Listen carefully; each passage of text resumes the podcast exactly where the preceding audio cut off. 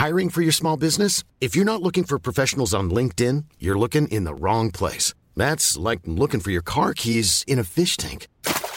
LinkedIn helps you hire professionals you can't find anywhere else, even those who aren't actively searching for a new job but might be open to the perfect role. In a given month, over 70% of LinkedIn users don't even visit other leading job sites. So start looking in the right place. With LinkedIn, you can hire professionals like a professional. Post your free job on linkedin.com slash people today. Hey, it's Ryan Reynolds, and I'm here with Keith, co-star of my upcoming film, If, only in theaters May 17th. Do you want to tell people the big news?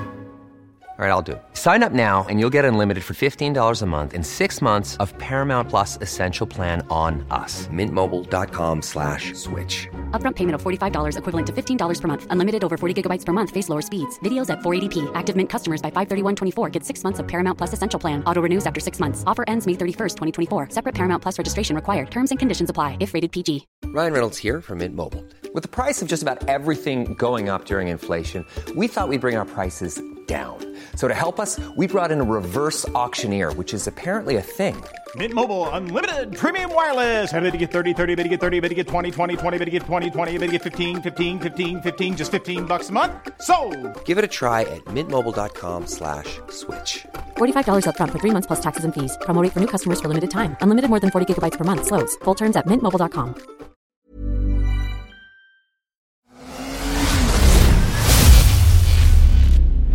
MC-podden. Du lyssnar på MC-podden. Jag heter Johan Ahlberg. Och jag heter Mikael Samuelsson.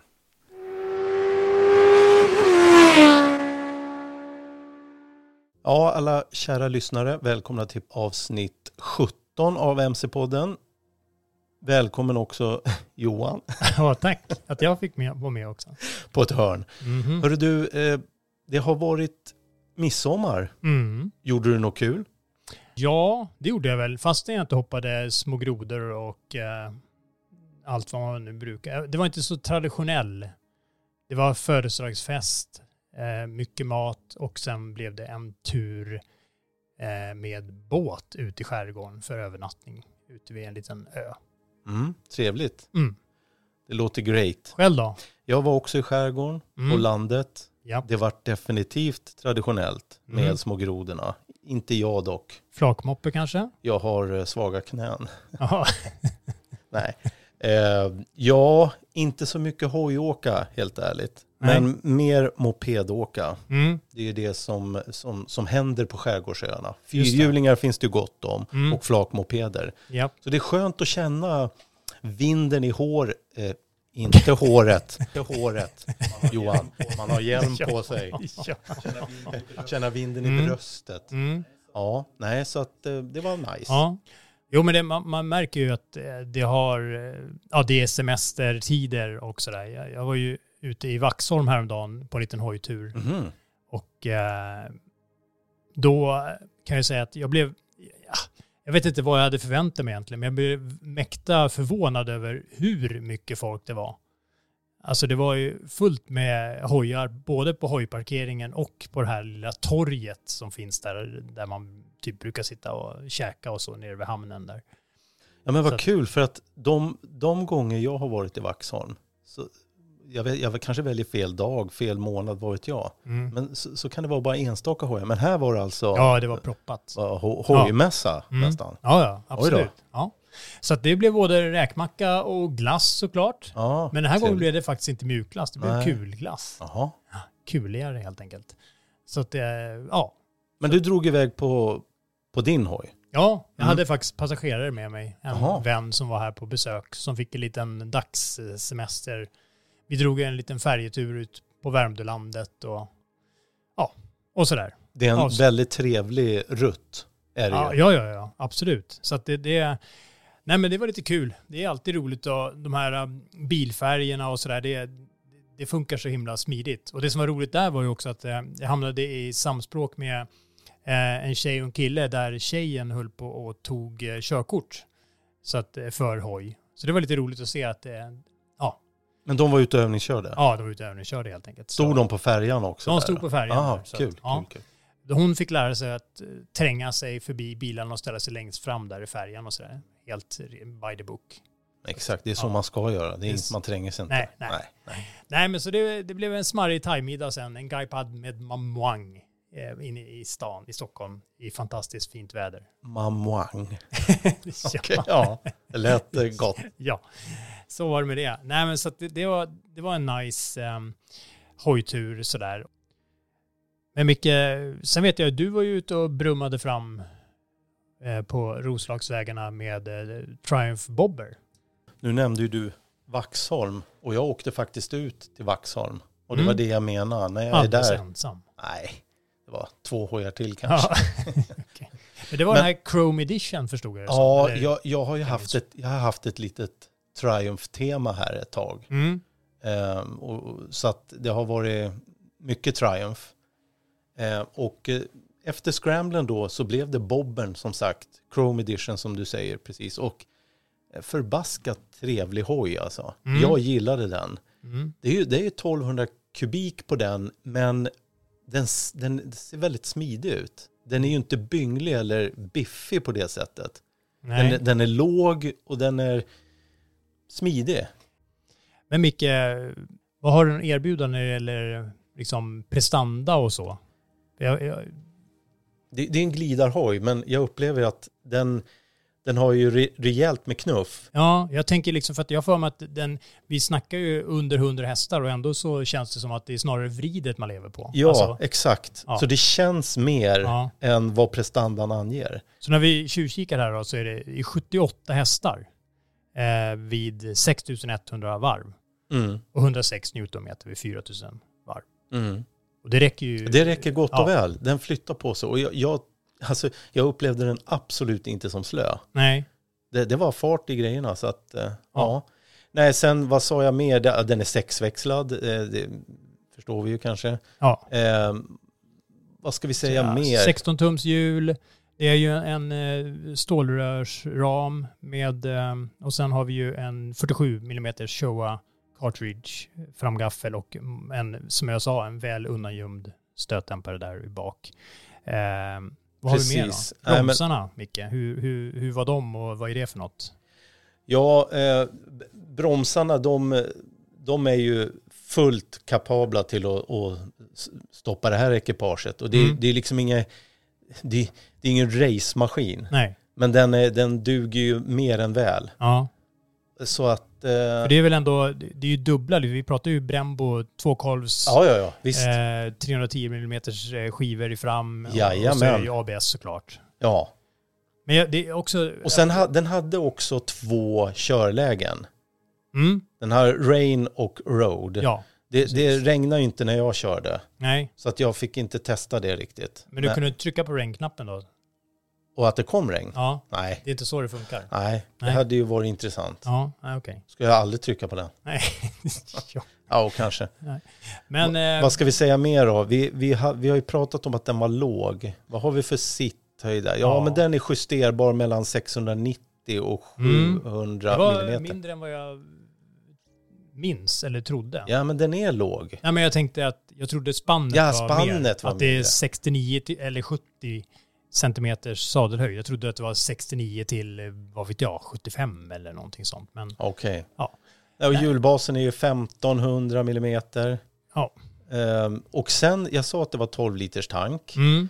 Och den väger 251 kilo. Det, Ja. det märks liksom inte. Den, den har sån stabilitet i Mm, sig. den är ju väldigt smal och slimmad och, och sådär. Så att, ja, nej men så att det, det är ju det är en, ja, Ja, jag gillar den där hojen. Ja. Verkligen.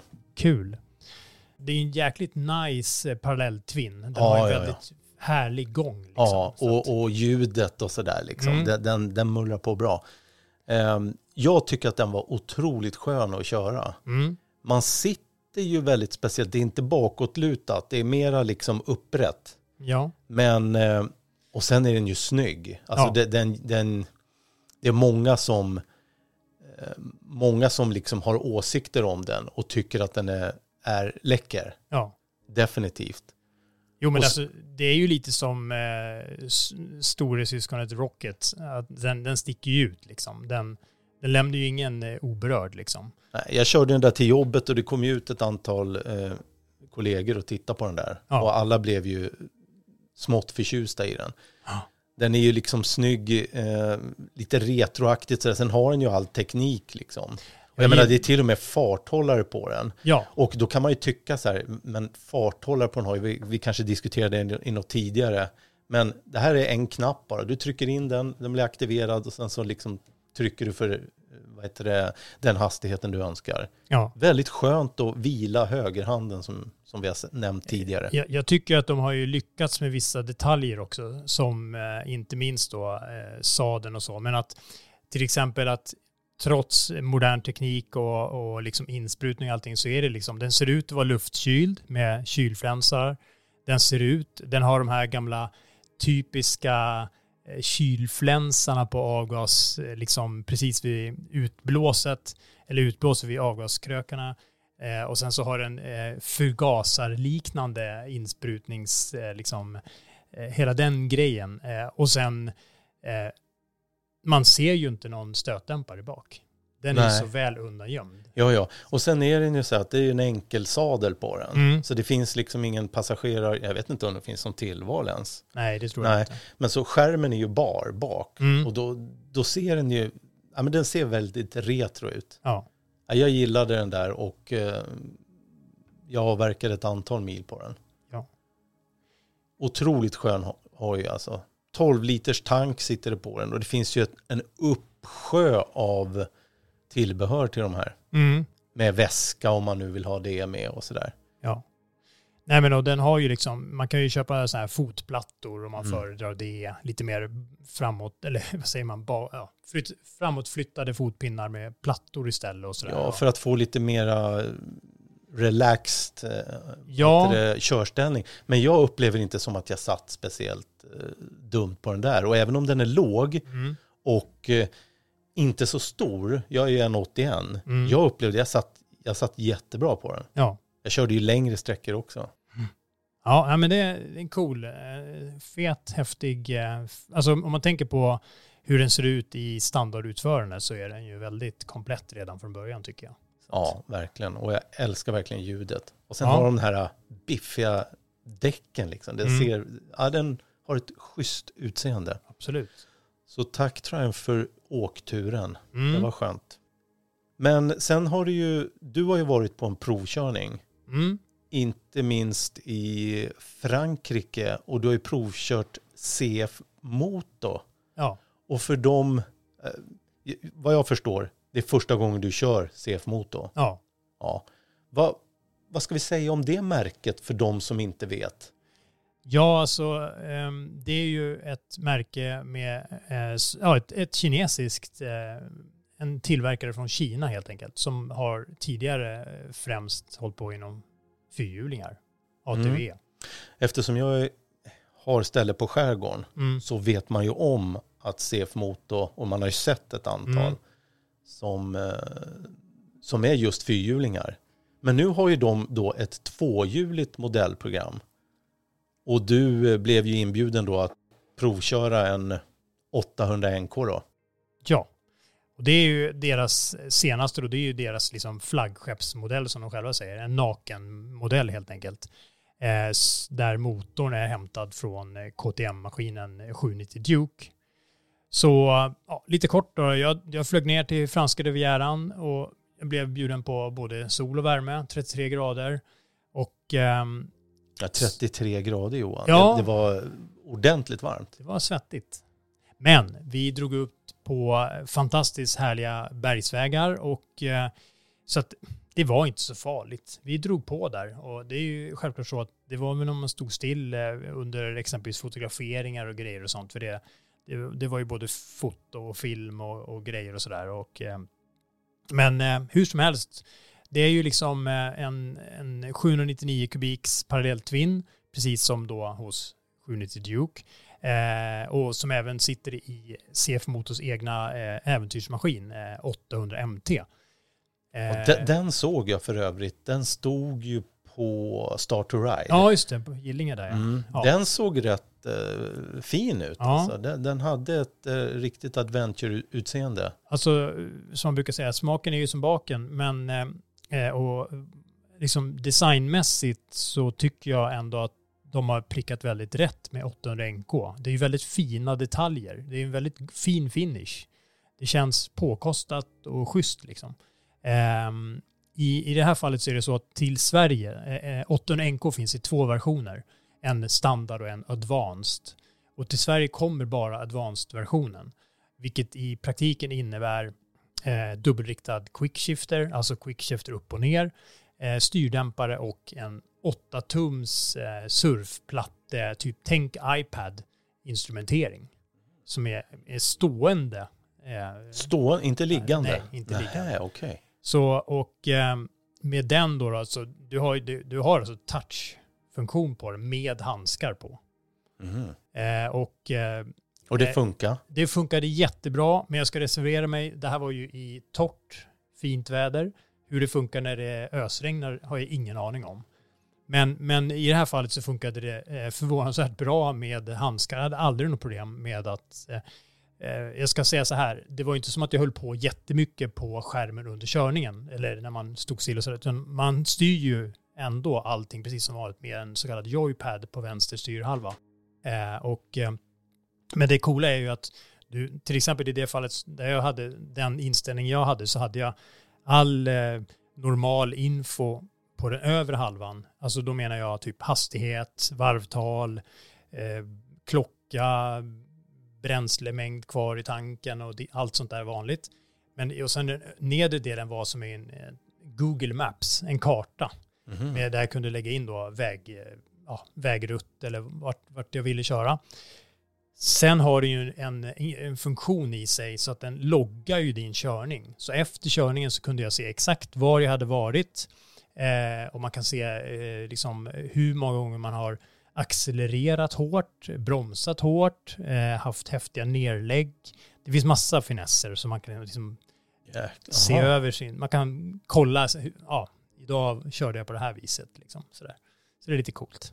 Vad häftigt. Ja, så att det, Men f- vad sa du, finns det app till det där också? Så du kan ja, du har, i en telefon? app, du har en app i mobilen. Mm. Och du kan ju då, Och då kan du ta del av all den här du informationen? kan ta del av Ja, allt. Så att det är, men sen är det ju så här, äh, blinkers, allting sånt är i iPaden, eller i iPaden, i eh, instrumenteringen. Men sen är det en cool feature och det är att vid sidan av instrumenteringen på vänster och höger sida, är integrerat liksom i styret så sitter det LED-blinkers också, som indikerar när du blinkar åt något håll. Så Mhm. att du får liksom dubbel indikering, både uppe i instrumentering och på styret, att det blinkar. Okej. Så det är som smala lysdioder på liksom styret, som du ser alltså. Och, det, och det syns inte framåt på Nej, det sättet? nej. Är, är det för en påminnelse Ja, tror det är en påminnelse till dig. Det var det vi pratade om när vi pratade om Ja. tidigare, så här, automatisk avstängning. Mm. Nej, men så att, så den, den innehåller ju väldigt mycket sådana, eh, och som jag sa, vi, ja, vi drog iväg där från det här hotellet uppe i bergen där i, jag vågar inte ens säga vad det heter, det, det var i alla fall eh, lite nordväst om eh, Nice i Provence-området och eh, vi drog iväg där tidigt på morgonen vilket krockade med att eh, vi hamnade mitt i eh, det vi kan kalla rusningstrafik. Drog iväg genom staden där eh, ja, och liksom strulade sig fram helt enkelt. Det gick jättebra, inga konstigheter. Eh, det jag däremot märkte som jag också gjorde när jag körde 790 Juke senast, det var att den, den är lite så här, när man ligger runt 3-3 500 varv så, så var den lite orolig. Så, där. så att den liksom... Den rycker lite? Ja, den var liksom, den var inte så där perfekt som jag vill att det ska vara om jag ska vara helt ärlig. Okej. Men bortsett från det så är motorn pigg och liksom gott om bottenvrid. Eh, och liksom allting funkar perfekt smidigt. Liksom. Inga konstigheter i övrigt. Det, men eh, sen... Och den har quick shifter va? Ja, precis. Eh, och det funkar superbra liksom. Jag är ju en sån där som jag ska vara helt ärlig, jag, jag vet inte varför, men jag gillar ju att använda kopplingen. Ja, men det är jag med. Jag Ja. tror att det är en generationssak. Ja. Men, Jag kan glömma bort det. Alltså jag använder kopplingen för att jag är van vid det. ja, Vi är uppväxta med koppling. Ja. Det blir, ja jag vet jag, inte. jag tycker det blir lite ryckigt med eh, quick shifter om jag ska vara ärlig. Om man inte är kör på bana. Typ med en sporthoj på bana, om man, varenda millisekund av växling är viktig. Men på landsväg i trafik så blir det lite ryckigt sådär. Ehm, men i alla fall, det var körningen var ju bara fantastisk. Det var sån här, du vet, som man vill att det ska vara. Alltså svart, perfekt, mer eller mindre, såg ut som det var nylagd asfalt. Det är bett. Eh, tyvärr så har ju CF Motor valt att eh, förse hojen med däck från Maxis som jag och flera med mig eh, hade lite anmärkningar på. Att de levererade inte den där eh, känslan som man ville ha. I, framförallt inte när man pressade lite extra så var det lite, mm, det var inte en trygg känsla tyvärr. Hojen i övrigt, jättefin, fin känsla. Eh, hela körningen kändes sen naturlig. Så man bara, alltså den bara nu ska jag svänga igenom den här hårnålen, den här kraftiga högerböjen, så då svängde bara hojen. Och sen så behöver man parera för någonting eller ändra kursen så gör den det helt naturligt, inga konstigheter. Jag satt jättebra, eh, jag hade jätteroligt eh, och eh, det var en väldigt speciell grupp av journalister jag körde med. Det var folk från eh, Rumänien, eh, Tjeckoslovakien, Eh, nu finns inte Tjeckoslovakien. Nej, Tjeckien och Slovakien då. Ja, förlåt. För jag, jag, jag vill inte vara petig, nej, men... Serbien och det var, ska jag vara helt ärlig, ganska strulig eh, körning, eller körgrupp. Det var avåkningar och lite sånt där. Ja, nej men som sagt, totalt sett supertrevlig, rolig, härlig provkörning med en hoj som jag tycker definitivt att du ska ta en titt på. För den, det är ju liksom en en, en helt egen maskin. Men som känns, det är bra grejer, liksom bra komponenter, rolig motor, totalt sett trevlig hoj som man kan ha kul med. Ja, men helt ärligt, när jag var på Start to Ride och, och, och träffade Per där och började prata med honom, mm. då, då jag kikade per på från CF Moto? Ja, mm. jag tycker att, um, att hojarna ser otroligt intressanta ut. Mm. Så jag skulle mer än gärna ta en tur och ja. känna. Och nu, man blir inte mindre sugen när du berättar Nej. om din upplevelse. Ja, Nej, men så det, det, var, det var en hel del bus och, och Lattjo den dagen kan jag säga. För att, ja, så, att, så var det med det. Men vi kan väl höra eh, vad du sa när du var på plats i Frankrike, Johan? Mm, mina liksom, första intryck sådär på plats. Ja. Eh, fräscht i minnet. Eller man Precis. Ja. Så vi lyssnar på det. Mm.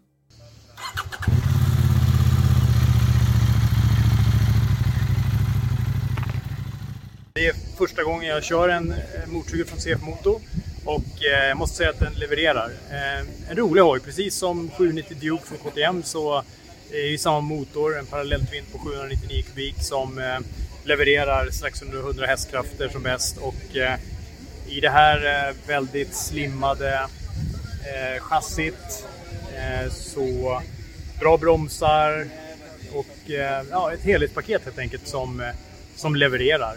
Så att, eh, jag är väldigt nöjd. Haft en riktigt bra dag på riktigt härliga bergsvägar som gjorda för intensiv motorcykelkörning.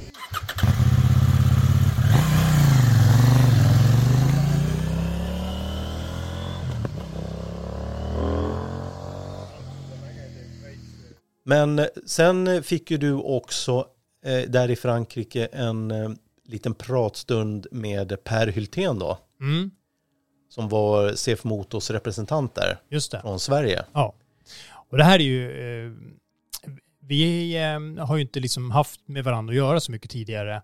Vi kände till varandra, och, men eh, Per då är ju återigen en sån här branschmänniska som har varit i motorcykelbranschen i massa år, men som också Eh, är en riktig motorcykelentusiast. Vi snackar han har hållit på med motocross, enduro i stort sett hela livet. Eh, hårt engagerad i racingen, alltså att vara med och hjälpa till i Värnamos motorklubb och sådär. Eh, och ehm, även varit hårt engagerad i roadracing. Och jag vet att han kör både i Sverige och i, framförallt i Spanien. Eh, och så nu på senare tid så har han börjat sladda fram med, med supermotormaskin. Så att eh, han, han liksom och så jobbar han i motorcykelbranschen. Så han, han, han liksom, eh, vad brukar man säga, han äter, eh, sover, nej men han lever för hojåkningen. Men alltså det verkar inte finnas något slut på alla de här entusiasterna som, som, vi stöter på. Nej. Det är jättekul. Nej, och han älskar verkligen hojar. Han, han, när vi pratar om det, liksom så, vilket ni kommer få höra här i porträttet, i intervjun, att det spelar liksom inte roll egentligen vad det är för hoj, utan bara att det är en motorcykel Alltså man bara ska klä i sig rollen, rätt roll för rätt motorcykel. Kör Mm. man en custom-hoj så får man klä i sig rollen att man, nu kör jag custom-hoj. Och så får man liksom sätta in sig i det modet. Mm, Men det är ju det som är så jäkla kul. Ja, det är Det ju är ju det. det som är grejen också. Ja.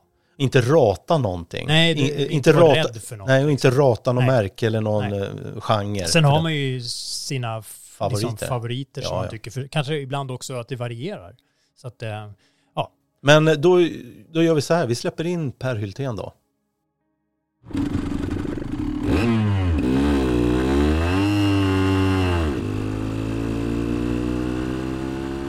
Jag heter Per Hyltén, är från Värnamo i djupaste småländska skogarna och är eh, ansvarig för CF Motor och motorcyklar. Med allt vad det innebär i media och tekniska frågor och liknande.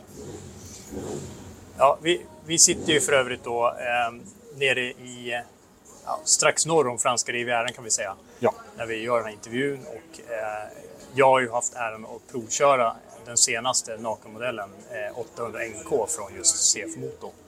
Eh, och eh, jag tänker, hur, hur, hur ser du liksom på hela, hela grejen med CF Moto? Alltså tänk på hur, hur, snabbt allting går och sådär för din egen del. Liksom, sådär. att- det har ju gått otroligt fort. Eh, som importörer har vi ju arbetat med CF i många år eh, på ATV-sidan.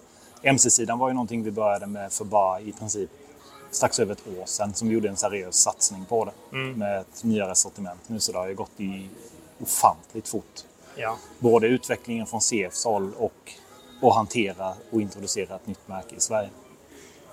Eh, för mig då som eh, hojåkare så tänker jag direkt då på liksom ehm, nu, nu kanske du har ett eh, större intresse eh, av ATV än vad jag personligen har om jag ska vara ärlig. Eh, men men jag, tänker, litet. jag tänker liksom den skillnaden. Jag vet ju att du är väldigt passionerad kring just tvåhjulingar. Ja. Eh, hur, hur, liksom, hur, hur känns det liksom att det då eh, blir en större satsning på tvåhjulingar också? Liksom? Jo, men det är ju såklart, det har man ju gått och väntat på.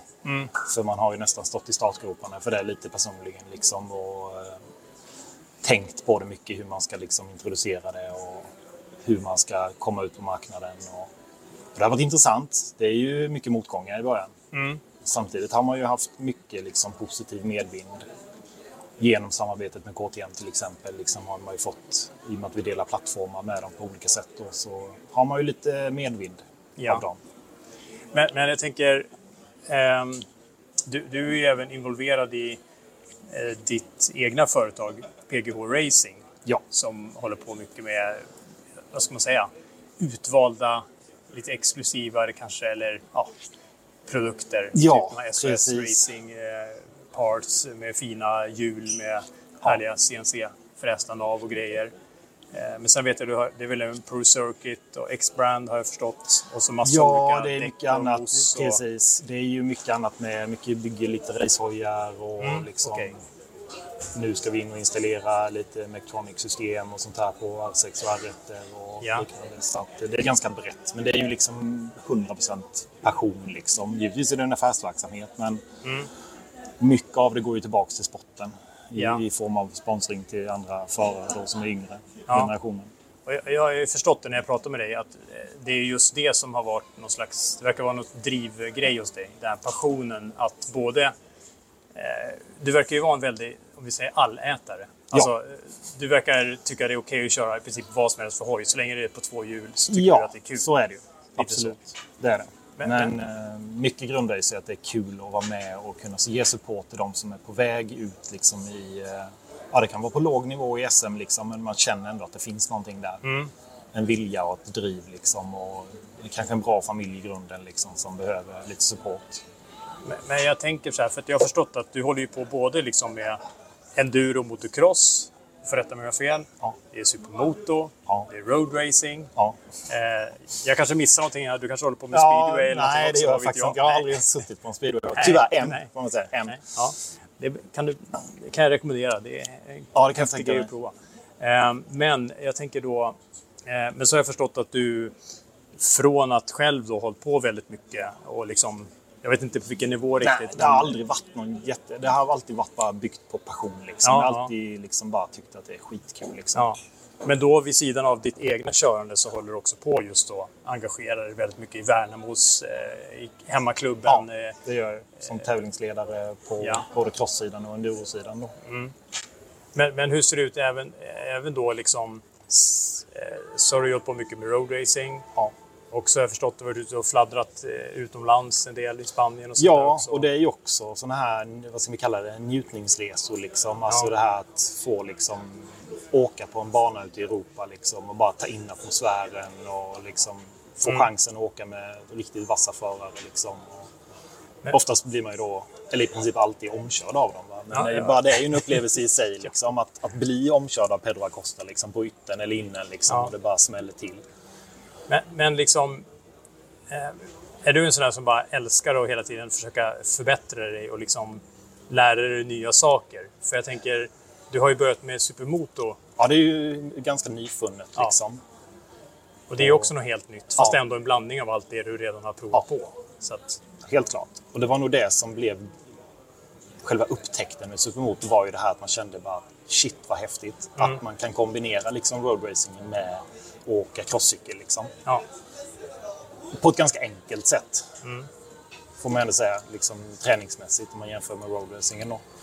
Man, man, kan ju hålla ner i budgeten men ändå så kan det fladdra iväg. Ja det kan det. Man har ju ett alternativ där liksom. Mm. Du behöver inte byta däck hela tiden. Du kan åka på de gamla sulorna liksom tills det är i princip koden är framme om du vill. Men jag tänker så här då. Eh, Jag menar, som vi har förstått nu så du är liksom hårt engagerad i att köra själv och hela passionen kring det här och hjälper andra förare i flera olika typer av motorcykelsporter. Men, men om vi backar rejält här nu. Hur, hur började allt det här? Var kommer det här ifrån? Alltså, började Det började ju som för många med lite gamla crosscyklar och gamla mopeder i uppväxt ute på landet liksom. Ja. Så att eh, det var ju farsan som kom hem. Jag tjatade ju lite och till slut så stod det ju en, en, eh, gammal YZ80 som vi var och hämtade i Skillingaryd på Men- slutet av 80-talet. Men fanns det något intresse i familjen sedan Nej. tidigare? Ingenting? Ingenting. Det var någonting du fick för? Ja. ja. Och var kommer det ifrån? Det vet du inte kanske? Jag vet faktiskt inte. Nej. Det fanns ju inga tidningar eller liksom, det var nog snarare att vi har alltid haft en lokal anknytning om man säger. Crossbanan har alltid varit ganska nära. Så att det är väl det därifrån. Så du liksom. kanske rent av hörde eller kände några dofter? Eller... Ja, precis. Jag minns faktiskt inte men eh, det ligger väl ganska nära till hands. Ja. Så, det, Men, men, så du började det här med YZ80 ja. och sen fortsatte det med... ja, det fortsatte ju med lite byten till... Eh, ja, man hade testat allt, Suzuki Ja. och man gick upp på lite 125 och sen så kom tonåren och då tappar man lite fokus liksom några år och sen så började jag åka lite igen när man i slutet av tonåren och Mm. sen hittade man landsvägscykeln då när man var 16 liksom. Ja.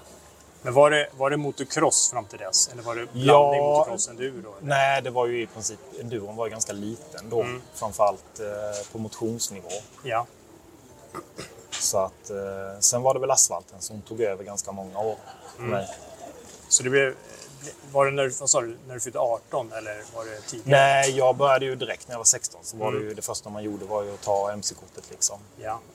Och då eh, var det faktiskt Buddha, känner ju många till Ja. i MC-världen. Det var faktiskt hans, det är hans fel som jag säger som eh, tog med mig ut till Anderstorp när jag åkte 125 då. Ja. Så det var han som liksom väckte den eh, biten i mig, lite det intresset. Okej. Men eh, vad, vad började resan på för hoj? Det började med en RG 125 från Mm. 92 Ja. med mycket eloxerade bultar och eh, neondekaler Okej. som det skulle vara på 90-talet. Ja.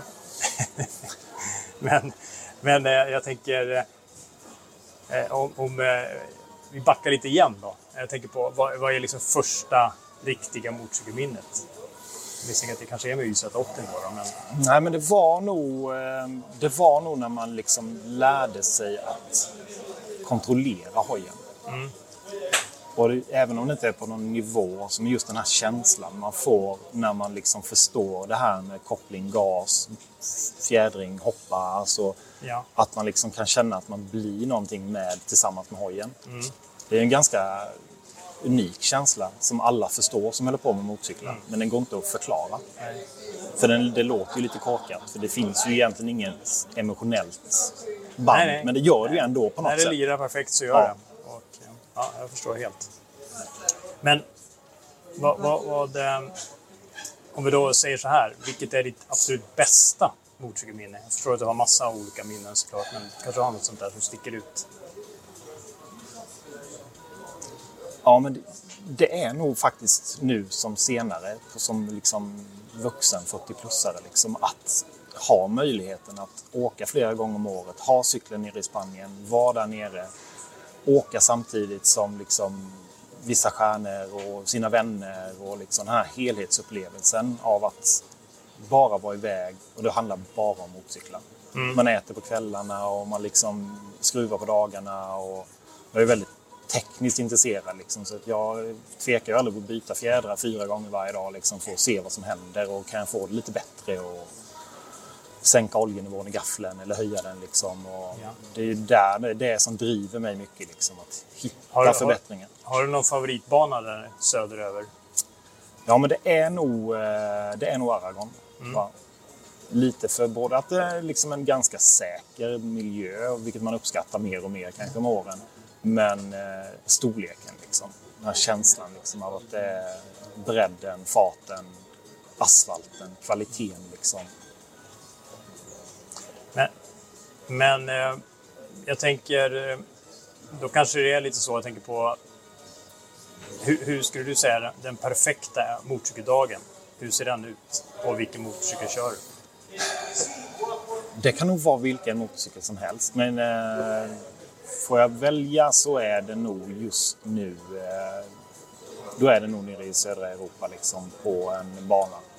Helt klart. Det jag helst skulle jag utöva den på en RS250 om jag fick. Liksom. Men eh, det spelar inte så stor roll vilken hoj det är, utan det är mer liksom, frukost tillsammans gemensamt liksom, på morgonen och sätta sig i bilen och åka ut till banan liksom, och s- plugga in däckvärmarna och dricka På lite kaffe. Ja, precis. Ja. Det är nog eh, den perfekta dagen. Liksom. Men jag tänker, från att du då körde motocross, började halka, eller halkade in på landsvägen där och så. Hur, hur, liksom, hur, hur kom det sig att du började med racingen sen då? Liksom sådär. Det var också en sån här grej som kom ju äldre man blev, liksom just asfaltsracingen. Att man kände att det var något ouppfyllt i livet. Att man kände att det här vill jag göra på riktigt någon gång, inte bara liksom testa någon gång ibland. Liksom, utan att man vill se liksom, vad, vad kan man åstadkomma. Ja. Har man någonting överhuvudtaget liksom, egentligen att sätta emot när det börjar gå lite fortare. Så det var nog det lite som drev mig, liksom, att testa. Men, men var, var du sån där som började med massa bandagar och växlade upp så? Eller gick det bara pang på? Jag har haft förmånen att liksom ha 20, strax över 20 minuter till Anderstorp. Så att eh, man har ju alltid liksom haft nära att åka liksom kvällsträningar. Förr var det ju kvällsträningar ganska ofta.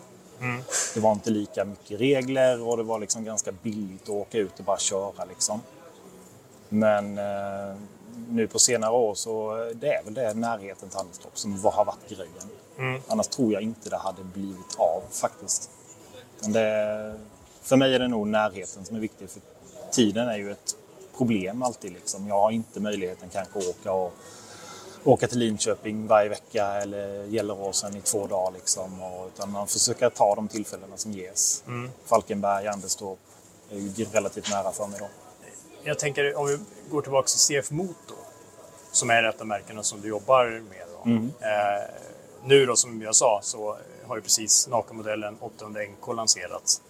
Eh, och eh, som vi har varit inne på redan, eh, eller, den, den bygger ju på eh, KTMs 790 Duke-motorn, då, då, parallelltvinnen.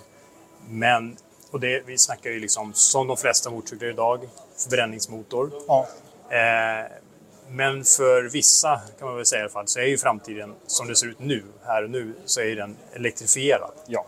Eh, och eh, hur ser du på den elektrifierade framtiden för motorcyklar? Jag ser nog på den ganska positivt. Eh, Personligen så kanske inte passionen finns för det. Liksom. Jag ser ju ett syfte med det var att vi måste någonstans liksom försöka hitta ett sätt att få en, en underhållande motorcykel som går på el. Jag blev ju kontaktad för, kan det vara två månader sedan, av eh, ett gäng utvecklare här i Sverige som eh, på med en, eh, ja, en racehoj motsvarande en eh, Supersport 300. De ville ju att vi skulle kanske då tillsammans med CF köpa ut chassi då utan motorer och helt enkelt komma fram till en race-serie då på el. Då. Föll tyvärr det här projektet precis förra veckan på grund av eh, ja, ekonom, ekonomiska beslut liksom, som gjorde att det inte gick att genomföra. Annars så hade det varit en kul grej som jag hade verkligen kunnat engagera mig i tillsammans med både utvecklarna och, och Svemo då för att eh, introducera någonting som kanske tilltalar en annan generation. Mm. Ja, jag tänker lite så. Jag menar, du har ju ändå upplevt och uppväxt med motorcyklar med förbränningsmotorer. Ja. Men om man då tänker sig att man inte har gjort det ännu Ja. och hoppar, kliver in direkt på elmotor Precis. så kanske det blir annorlunda. Men, jag tänker, vad, skulle du, vad tror du att du själv skulle sakna mest i en framtid där alla motorcyklar var just eldrivna? Ja, men det är ju bara vibrationerna och ljudet. Det, det räcker ju att man startar en hoj så får man ju lite pulshöjning liksom. Tveklöst. Men å andra sidan räcker det att titta på sina egna barn så ser man ju att de tycker inte det är häftigt med förbränningsmotorer. De tycker det är häftigt med el. De är ju imponerade av Tesla, elkrossar och sånt här. Liksom. Det är ju det de tycker är häftigt. Det är Ja. de som liksom sedermera ska börja köra liksom, den generationen. Nej, och sen är det ju som du, som du håller på med och är engagerad i. Jag menar motocross, enduro, Ja. roadracing, supermoto. Det, det är ju eh, allt större problem med, med bullerkrav och Precis. miljökrav på alla sätt och vis. Ja. Så det är klart att eh, det kommer Det väl krypande där, vare sig vi vill eller inte. Titta STCC liksom. Det har ju öppnat upp för stadslopp till exempel. Mm. Då kan man ju själv börja tänka, ja, men tänk ett supermotorlopp inne i Stockholm. Liksom.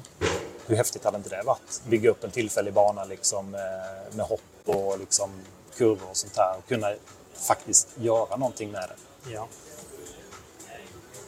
Ja, nej, visst. Nej, men jag, jag håller helt med. Jag menar, det är ju som du säger, man blir nostalgisk. Det är, Ja, ljud och Oh ja.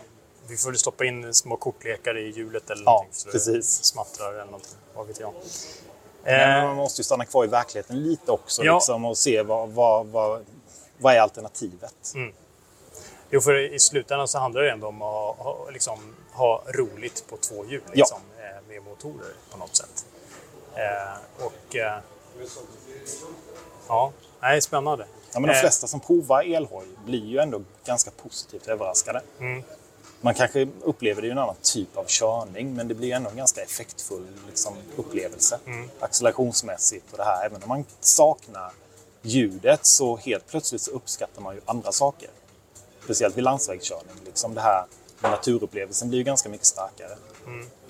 Men jag tänker på, om vi då tänker på CF Moto. Eh, jag förstår att inte du kan avslöja massa hemligheter här nu, men, jag tänker på, har, du kanske redan vet, eller de kanske har någon policy kring det, när det gäller el och framtiden Ja. kring andra alternativ. Så. De, givetvis som alla andra så tittar de ju på mycket lösningar. Det, det finns en liten sån här, vad ska vi kalla det, lek, alltså papillon som de kallar det då, som finns som en motsvarande 125 kubikare då, på, som går på el. Det är väl inte riktigt aktuellt för vår marknad än, för att det finns väl ingen efterfrågan än då, men det är ju ett, ett första steg i den riktningen. Ja. Men eh, det är inget som man har hört något mer om, att de tänker så policymässigt att det i Nej, det fi- det finns man, ingen- Man har inte börjat, ingen, eh, eh, vad säger man, kommunicera det budskapet eller Nej, någonting än. det gör det inte. Nej. Jag tror att prion för dem ligger nog snarare på att få fram en elektrisk ATV eller UTV. Då. Ja. Och där finns ju en efterfrågan som är betydligt större. Men, men jag tänker på, eh, vi pratade ju tidigare här om att du är väldigt engagerad både i, i motorklubben där i Värnamo, eh, inom enduron då och motocross. Men också att du eh, hjälper mycket förmågor eller unga människor som... Ja. Ja, Mer du kanske baserat, ja men så är hjälpa. det nog. Det baseras ju lika mycket på personen Ja. som det gör liksom vilken nivå de är på. Givetvis så måste de ha ett mål att nå liksom, ja, EM eller vinna SM. Liksom. Mm. Jag vill ju att de ska ha ett högt uppsatt mål. Liksom. Ja. Men eh, man vill ju också att personen ska vara öppen och social och liksom bjuda på sig själv för att öppna upp för fler som Mm. kommer in i sporten. Liksom. Det är viktigt att man är välkomnande. Men, men, men liksom lite så här, uh, hur, hur, på vilket sätt hjälper du dem? Det kan vara både ekonomiskt liksom, och eh, i form av produkter då, liksom, eller Mm. ren liksom, ekonomisk support. Liksom, som eh, bonusar kan det vara för vissa förare liksom, Mm. vid, vid olika typer av prestationer. Ja. Och annars är det ju liksom med att de får helt enkelt låna kanske då som jag har någon yngre 85-förare som åker som får då kanske två, tre uppsättningar hjul för sin säsong och sen tar jag tillbaks dem till hösten då liksom. Och så säljer jag dem som begagnade kanske då och sen eh, nästa säsong får de plocka ut en ny uppsättning liksom. Och, och det kan vara olika produkter och, men i många fall handlar det om fälgar och hjul och sånt där Mm. Och så har de ju fri service och underhåll på dem då. Men du får ut liksom eh, själva eh, glädjen att få engagera dig i deras eh, säga, Ja, det gör jag ju. utveckling eller Det gör man ju för att man får ju ekonomiskt så är det ju det, är ju, det ger ju aldrig någonting tillbaks liksom, utan det, och det är väl inte syftet heller liksom, utan det är ju liksom att kunna hjälpa någon att ta nästa steg. Att Mm. Jag fri, tänker- frigöra liksom en peng för dem någon annanstans. Liksom. Mm. Men var, var kommer det ifrån? Alltså jag tänker på, är det din passion eller jag tänker på, har du själv fått massa sån hjälp Nej. under dina år? Nej, det har Du jag har fått klara det är väl mer att jag känner att jag kan göra det nu Mm. och jag har nog alltid varit sån som person. Liksom, att jag vill gärna dela med Mm. mig. Liksom. För det är ju först då, ja, även om man ska inte prata om framgång, men personlig framgång, liksom, den betyder ju ingenting om du inte kan dela den. Liksom. Nej. Men jag vet ju att du har egna barn och sånt som håller på med eh, bland annat rid, Ja, hästar och precis. grejer. Eh, Men eh, em, det är ingenting som jag har förstått som har varit någon hårt fokus för dem att köra motorcykel så här. Även fast Nej, har prövat på gjort lite. tappra försök utan större framgång. Men Ja. sen är det ju, man vill ge dem möjligheten. Och för mig är det bara de hittar någonting de brinner för. Liksom. Mm. Så är jag rätt nöjd faktiskt. Men jag tänker, det, det är onekligen någonting som du, när man träffar dig och pratar med dig så förstår man ju att det, det finns en enorm passion för motorcyklar. Vi pratade ju om det här eh, i ett tidigare samtal eh, om just det här att det spelar, precis som du var inne på tidigare eh, i samtalet här också, att eh, det spelar ingen roll vad det är för motorcykel. Nej. Du, du klär i dig rollen och du skulle köra en HD så, Ja, ja. så, så kan du få ut något härligt av det. Oh ja. Precis som på en sporthoj. Liksom. Ja. Så att, det, det tycker jag, det låter som en, en, en ja, jag vet inte, en bra, bra grej tycker jag. Eh, men jag tänker på, finns det något eh, som du, eh, ja, de flesta inte helt enkelt vet om dig? Har du någon hemlig talang som kanske är helt utanför det här eh, motorcykelsfären eller något sånt? Ja, det, är, det är ganska dåligt med dolda talanger faktiskt. Ja. Det är liksom motorcyklar och, som är liksom alltid varit på något sätt. Ja, men en sak är det. Jag är ju faktiskt lite, lite hifi-nörd. Vad sa du? Väldigt hifi-nörd. Alltså, Ja, jag är du väldigt, gillar musik, ljud. Mm. ja, väldigt musikintresserad är jag. Eh, Och har ju en liten sån sträng liksom. Det är lite nördig liksom när det kommer till eh, elektronik och liksom det här biten. Ja. Det är väl ingenting man pratar så mycket om sådär, men det jag är lite hifi-nörd så.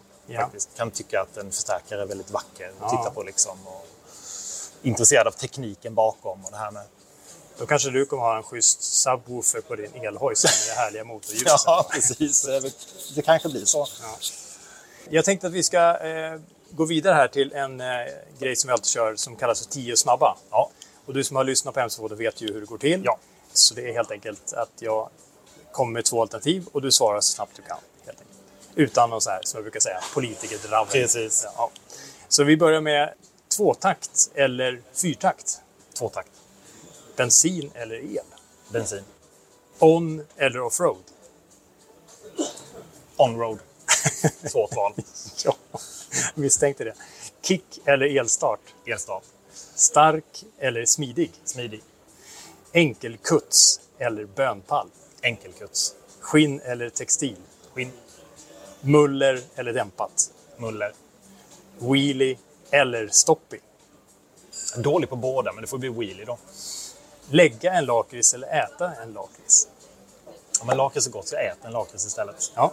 Inte spar på däcken. gummi. Ja, spar på Ja, däcken. ja. Och miljön. Ja. Eh, och så tänkte jag, lite sådär, mm, kan tyckas vara lite, jag vet inte, men sanning eller myt, att eh, motorcyklar är meningen med livet. Ja, 50 procent skulle jag säga att det är, det är inte helt och hållet. Det skulle jag nog aldrig våga säga, men det är nog en stor del av meningen med livet. Du har ju familj och Ja, ja precis. Ja, men det är lite politiskt fick det bli där, men det är nog en stor del av eh, identiteten, Mm. om man säger så. Ja. ja, precis. Vad, vad skulle du vara utan motorcykel? Ja, precis. Lite så. Ja. Ja. Tack Per. Tack själv.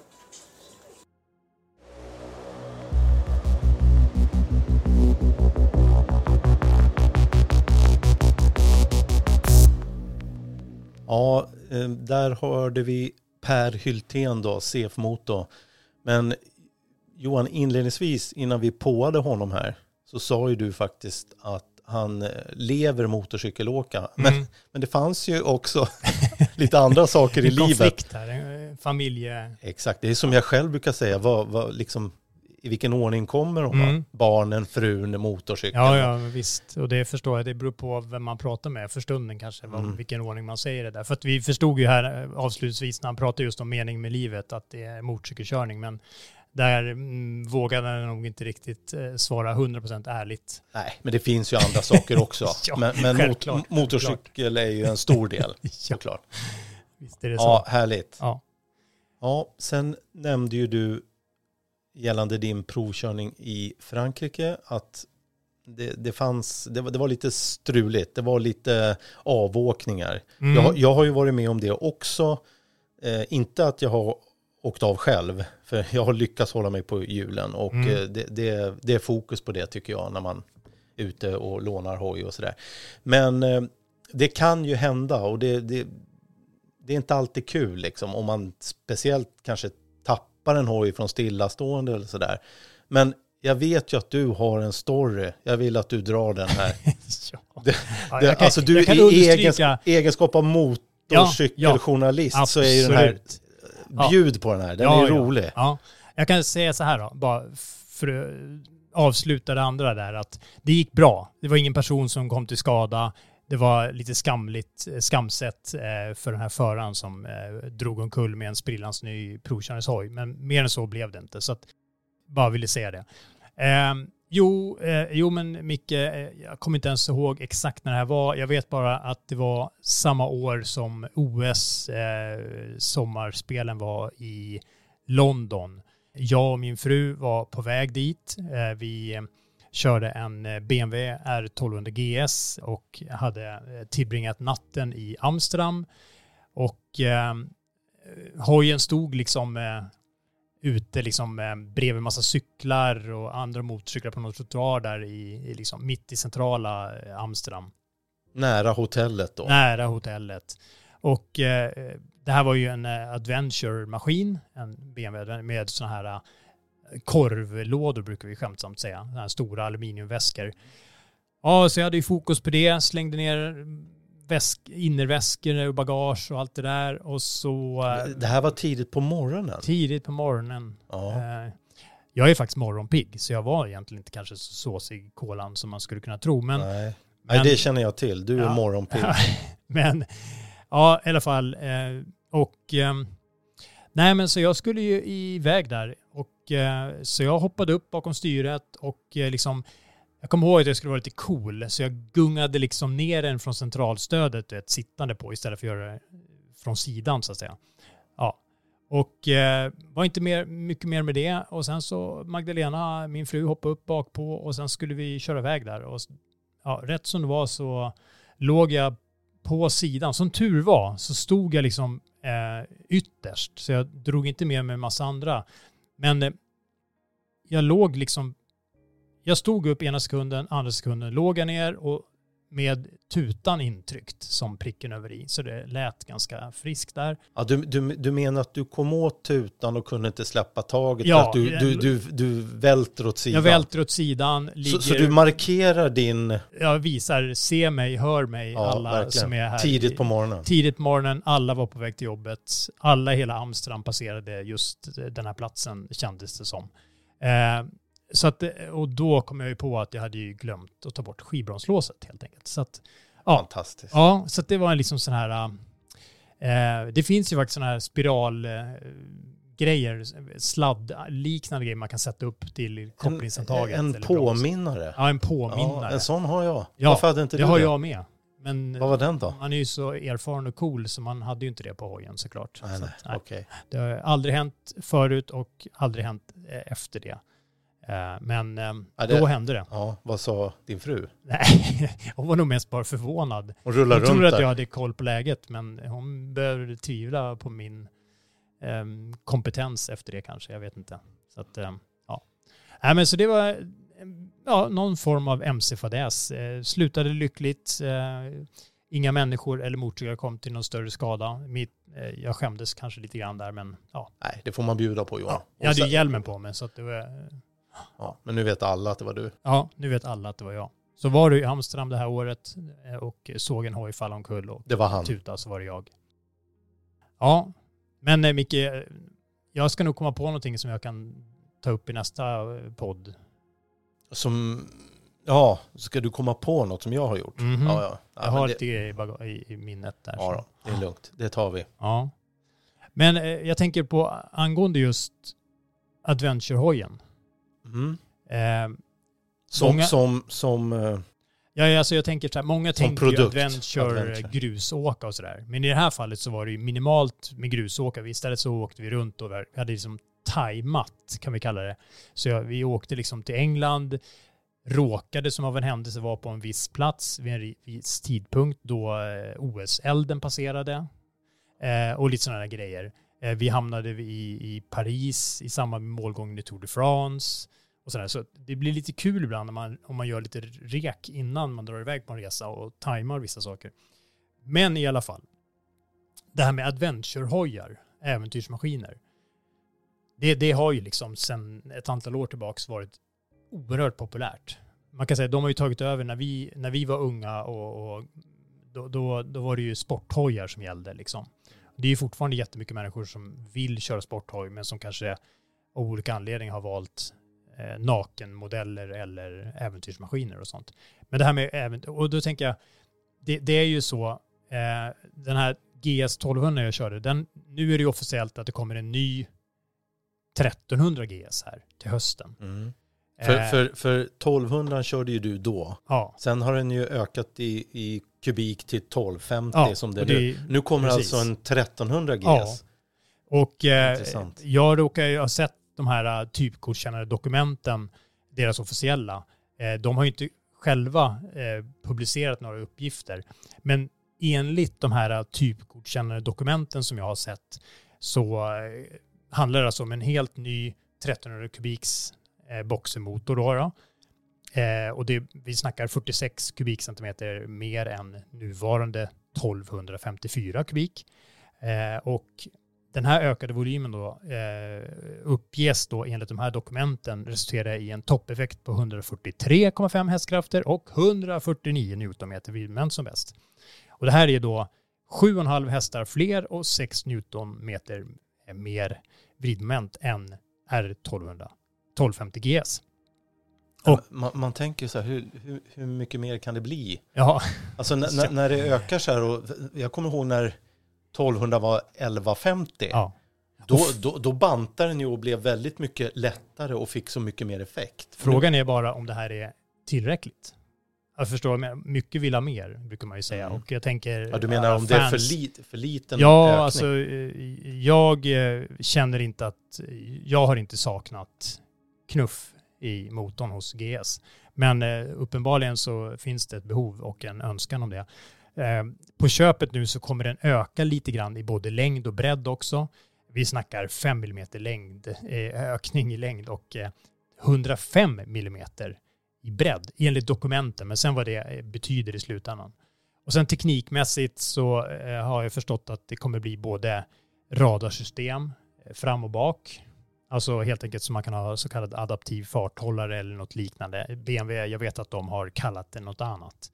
Ehm, men en farthållare helt enkelt som anpassar sig efter fordon som ligger framför. Så att det liksom, ja ni förstår, den anpassar hastigheten efter om det nu om du kommer ikapp ett fordon, du har ställt in den på en viss hastighet och du kommer ikapp så kommer den sänka hastigheten. Ja, men så att du det, håller det är lugnt. avståndet. Men det här bakåt då? Och bakåt då, det är liksom som en varning för kollision bakifrån. Intressant. Undrar vad det innebär. Ja, precis. Den bara styr av en av vägen för det kommer långtradare. Hamnar i diket. ja. Nej, och sen så är Och då här- drar den på bara. Ja, precis. Ökar farten. Eh, och sen är det upptäckta fordon i döda vinkeln så att säga. Ja, det har ju många moderna bilar idag. Man Mm. ser liksom att det tänds någonting. Ja. Så det, ja. Nej, men då sen blir det självklart ny instrumentering, lite större och lite mer, ja, jag vet faktiskt inte mer eh, annat än att, eh, och sen lite förbättrade förhjälpmedel. Man har bara liksom uppdaterat antispinn och hill hold som det heter, där man den liksom parkerar, bromsar i uppförsbacken Mm, och parkerar och sådär. För Nej. hjälp när man ska iväg. Sjukt mycket teknik i den Ja, hojen. ja. Nej, men så, och den här nya N- när kommer den? R13GS kommer att presenteras i Berlin den 28 september. Okej. Och Micke, du, jag vet att du vet också att eh, det är ju mer, det händer ju mycket på äventyrsfronten här nu. Ja, Yamaha, de eh, firar väl 40 år va? Ja. För den ikoniska Teneré-modellen. Mm. 40 år. ja. Ja, helt sjukt. Det har ju funnits med hela eh, mitt motorcykelliv. 1983 så startades den eh, eran då med Mm. XT600Z. Ja. Ja, häftigt. Tittar man på de bilderna så ser man ju verkligen hur, Det har hänt grejer. hur motorcykeln har utvecklats. Mm. Rent designmässigt och sådär. Men, men de här hojarna, adventure-hojarna från 80-tal och 90-tal, alltså de, det- är något speciellt. Det Ja. ligger en varmt om hjärtat. Absolut. Jag var ju själv eh, extremt frälst av eh, Dakar-rallyt redan tidigt och eh, jag vet, det var ju liksom i tidigt skede innan KTM kom in och- började hota seriöst så var det ju liksom en kamp första åren där mellan BMW och Yamaha. Och i det här fallet då var det ju Cyril Nivå som, han tog ju en dubbelseger i det första och andra Paris-Dakar-rallyt 1979 och 80 med XT500. Och sen efter det då med Teneré då, så har vi ju bland annat Mr Dakar själv, Stefan Peter Hansel, fransmannen som med sina sex eh, Yamaha-segrar i Dakarrallyt, eh, ett rekord, eh, där den första då togs 1991. Och det här är ett obesegrat rekord än idag. Och eh, sen vet jag att nu här, ni som är med där ute på nätet vet, känner kanske till den här Yamaha-äventyraren, ambassadören Nick Sanders, som är ute och flänger och gör massa eh, härliga resor och han har precis just nu avslutat sin jorden runt-resa med eh, sin Tenere 700. Och sen har vi ju eh, Yamahas satsning med Tenere-hojarna, de här GYTR-kittade Tenere 700 World Raid-maskinerna. Eh, det Paul Tarres och Alessandro Boturri som, eh, håller på, ah, som är med i, i Rally Raid-serien helt enkelt. Dakar-rallyt och alla andra sådana här eh, ökenrally-race. Men Micke, jag tänker, vad vad har du själv liksom för relation till eh, grusåka och äventyrshojar? Vi har ju i och för sig snackat om Dr. Big för, för en massa avsnitt sedan, men Ja, men vi har ju pratat om det till och från. Mm. Och, eh, vi, och jag sa ju det nyligen att man har ju en förkärlek för, för adventure-hojar och större offroad-maskiner. men varför? Jag vet inte. Jag tror att det, det spär på den här frihetskänslan. Det spelar Mm. ingen roll om det kommer grus. Nej. Du fortsätter åka. Blir det en kostig, det är bara att fortsätta åka. Mm. Blir det dåligt väder, det är bara att fortsätta åka. Blir Ja. det lerigt, det är bara att gasa liksom och Man styra. liksom förlänger eh, väg, eller man utökar vägvalen och förlänger säsongen. Ja, så blir det ju. Och sen vi, en period så körde man ju året runt. Mm. Och jag menar, det var ju dubbdäck och allt möjligt. Men, men liksom, så det gick ju att verkligen köra hela tiden. Ja, Och sen är det det här äventyrs att, att svänga in någonstans eller kanske ta, ta med sig tält. Eller, men väldigt stor frihetskänsla. Sen sitter man ju väldigt skönt och upprätt och högt. Det är ju rätt, eh, ja men det är lite pondus att köra Ja. en stor eh, offroad-maskin, helt klart. Ja, och jag tänker, det är ju mycket adventure överhuvudtaget runt om i världen som är på tapeten hela tiden. Och vi har ju... Ja, det finns ju, framförallt så är det ju så här eh, arrangemang Ja. kring adventurehojar och eh, äventyrsresor eh, resor och liknande. Ja, äventyrsresor finns det ju. Vi har ju bland annat i Sverige Ride Nordics till exempel eh, som håller på att arrangera resor till Portugal och Island och allt vad det är, Grekland. Nu har precis Adventure Bike Festival avslutats i, det kallas Ragley Hall, Eh, några mil söder om Birmingham i Storbritannien.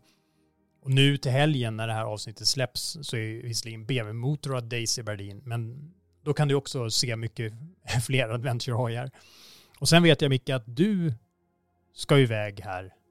Ehm, jag vet också, för övrigt innan vi går vidare i det, så vet jag att eh, Adventure Days som normalt sett brukar vara i Säfsen, det blev något strul där i år. Det var ju en brand som resulterade i att... Ja, de eventet- fick ställa, ställa in va? Ja, Mm. så det, det, huvudbyggnaden i Säfsen Resort eh, brann. Så det blev något eh, strul där. Så vi får väl se vad som händer i framtiden. Vi får ta ett snack med David där som är huvudarrangören för eh, Adventure Days och se. Ja, riktigt trå- tråkigt och snopet Ja. för, för de som ha, hade planerat det där säkert. Mm. Eh, men, men eh, Micke, jag vet, du har ju blivit inbjuden att vara med på eh, KTM Adventure Rally eh, som körs lite senare. Vi kommer återkomma lite mer till det, men det körs ju i Lillehammer i Norge i år i slutet på juli under några dagar. Ja, precis. Vecka 30 ska jag åka iväg dit. Ja. Så att, eh, vi hade en kort avstämning med KTM, ett Mm. litet Teamsmöte som, Ja. som har blivit populärt Mm. efter pandemin och sådär. Ja. Riktigt bra. Ja. Så vi ska åka dit eh, under vecka 30 och det är tre dagars körning. Mm. Och eh, vi får återkomma i ämnet helt enkelt. Men det stämmer, jag ska ut på eh, en liten äventyrsresa Mm. och eh, åka adventurehoj och det ska bli riktigt kul. Mm. Och för er som kanske minns det, Lillehammer, eh, det var ju, stod ju värd för vinter-OS 1994.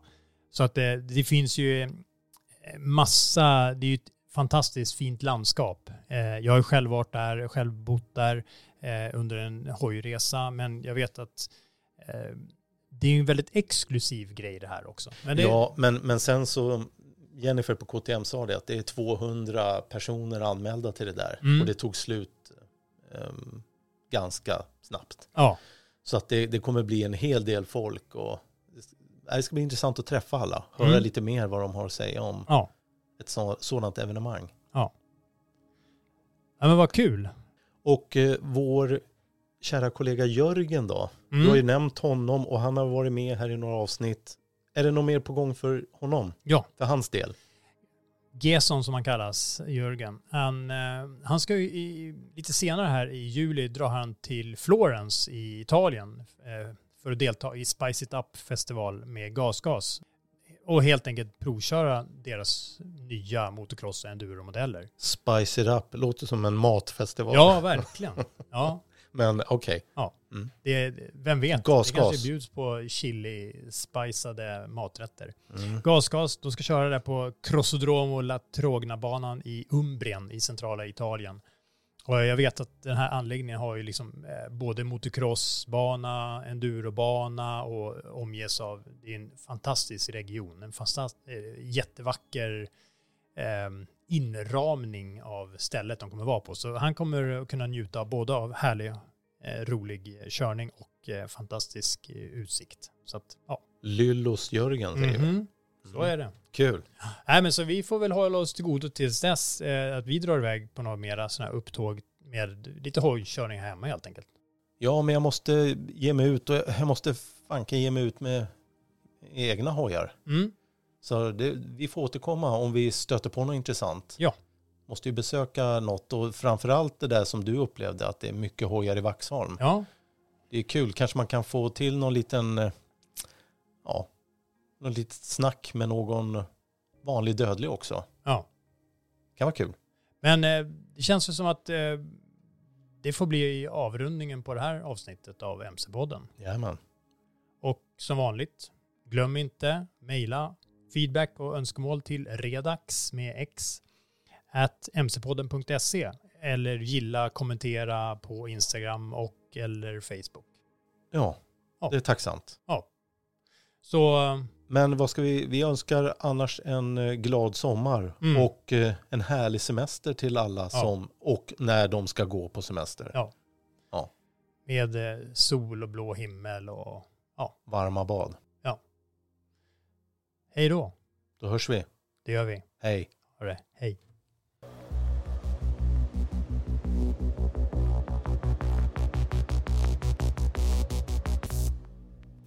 Du har lyssnat på MC-podden.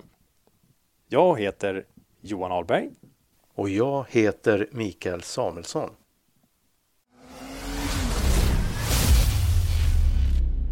MC-podden. Planning for your next trip? Elevate your travel style with Quince. Quince has all the jet setting essentials you'll want for your next getaway, like European linen, premium luggage options, buttery soft Italian leather bags, and so much more. And is all priced at 50 to 80% less than similar brands. Plus, Quince only works with factories that use safe and ethical manufacturing practices.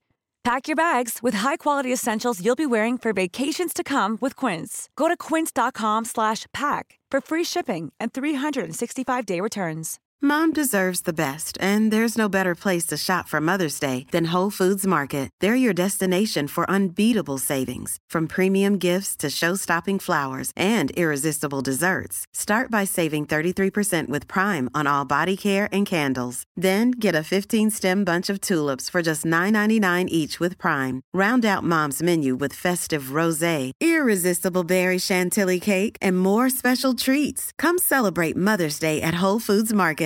Imagine the softest sheets you've ever felt. Now imagine them getting even softer over time. That's what you'll feel with Bowl and Branch's organic cotton sheets. In a recent customer survey, 96% replied that Bowl and Branch sheets get softer with every wash. Start getting your best night's sleep in these sheets that get softer and softer for years to come. Try their sheets with a 30-night guarantee. Plus, get 15% off your first order at bowlandbranch.com. Code BUTTERY. Exclusions apply. See site for details.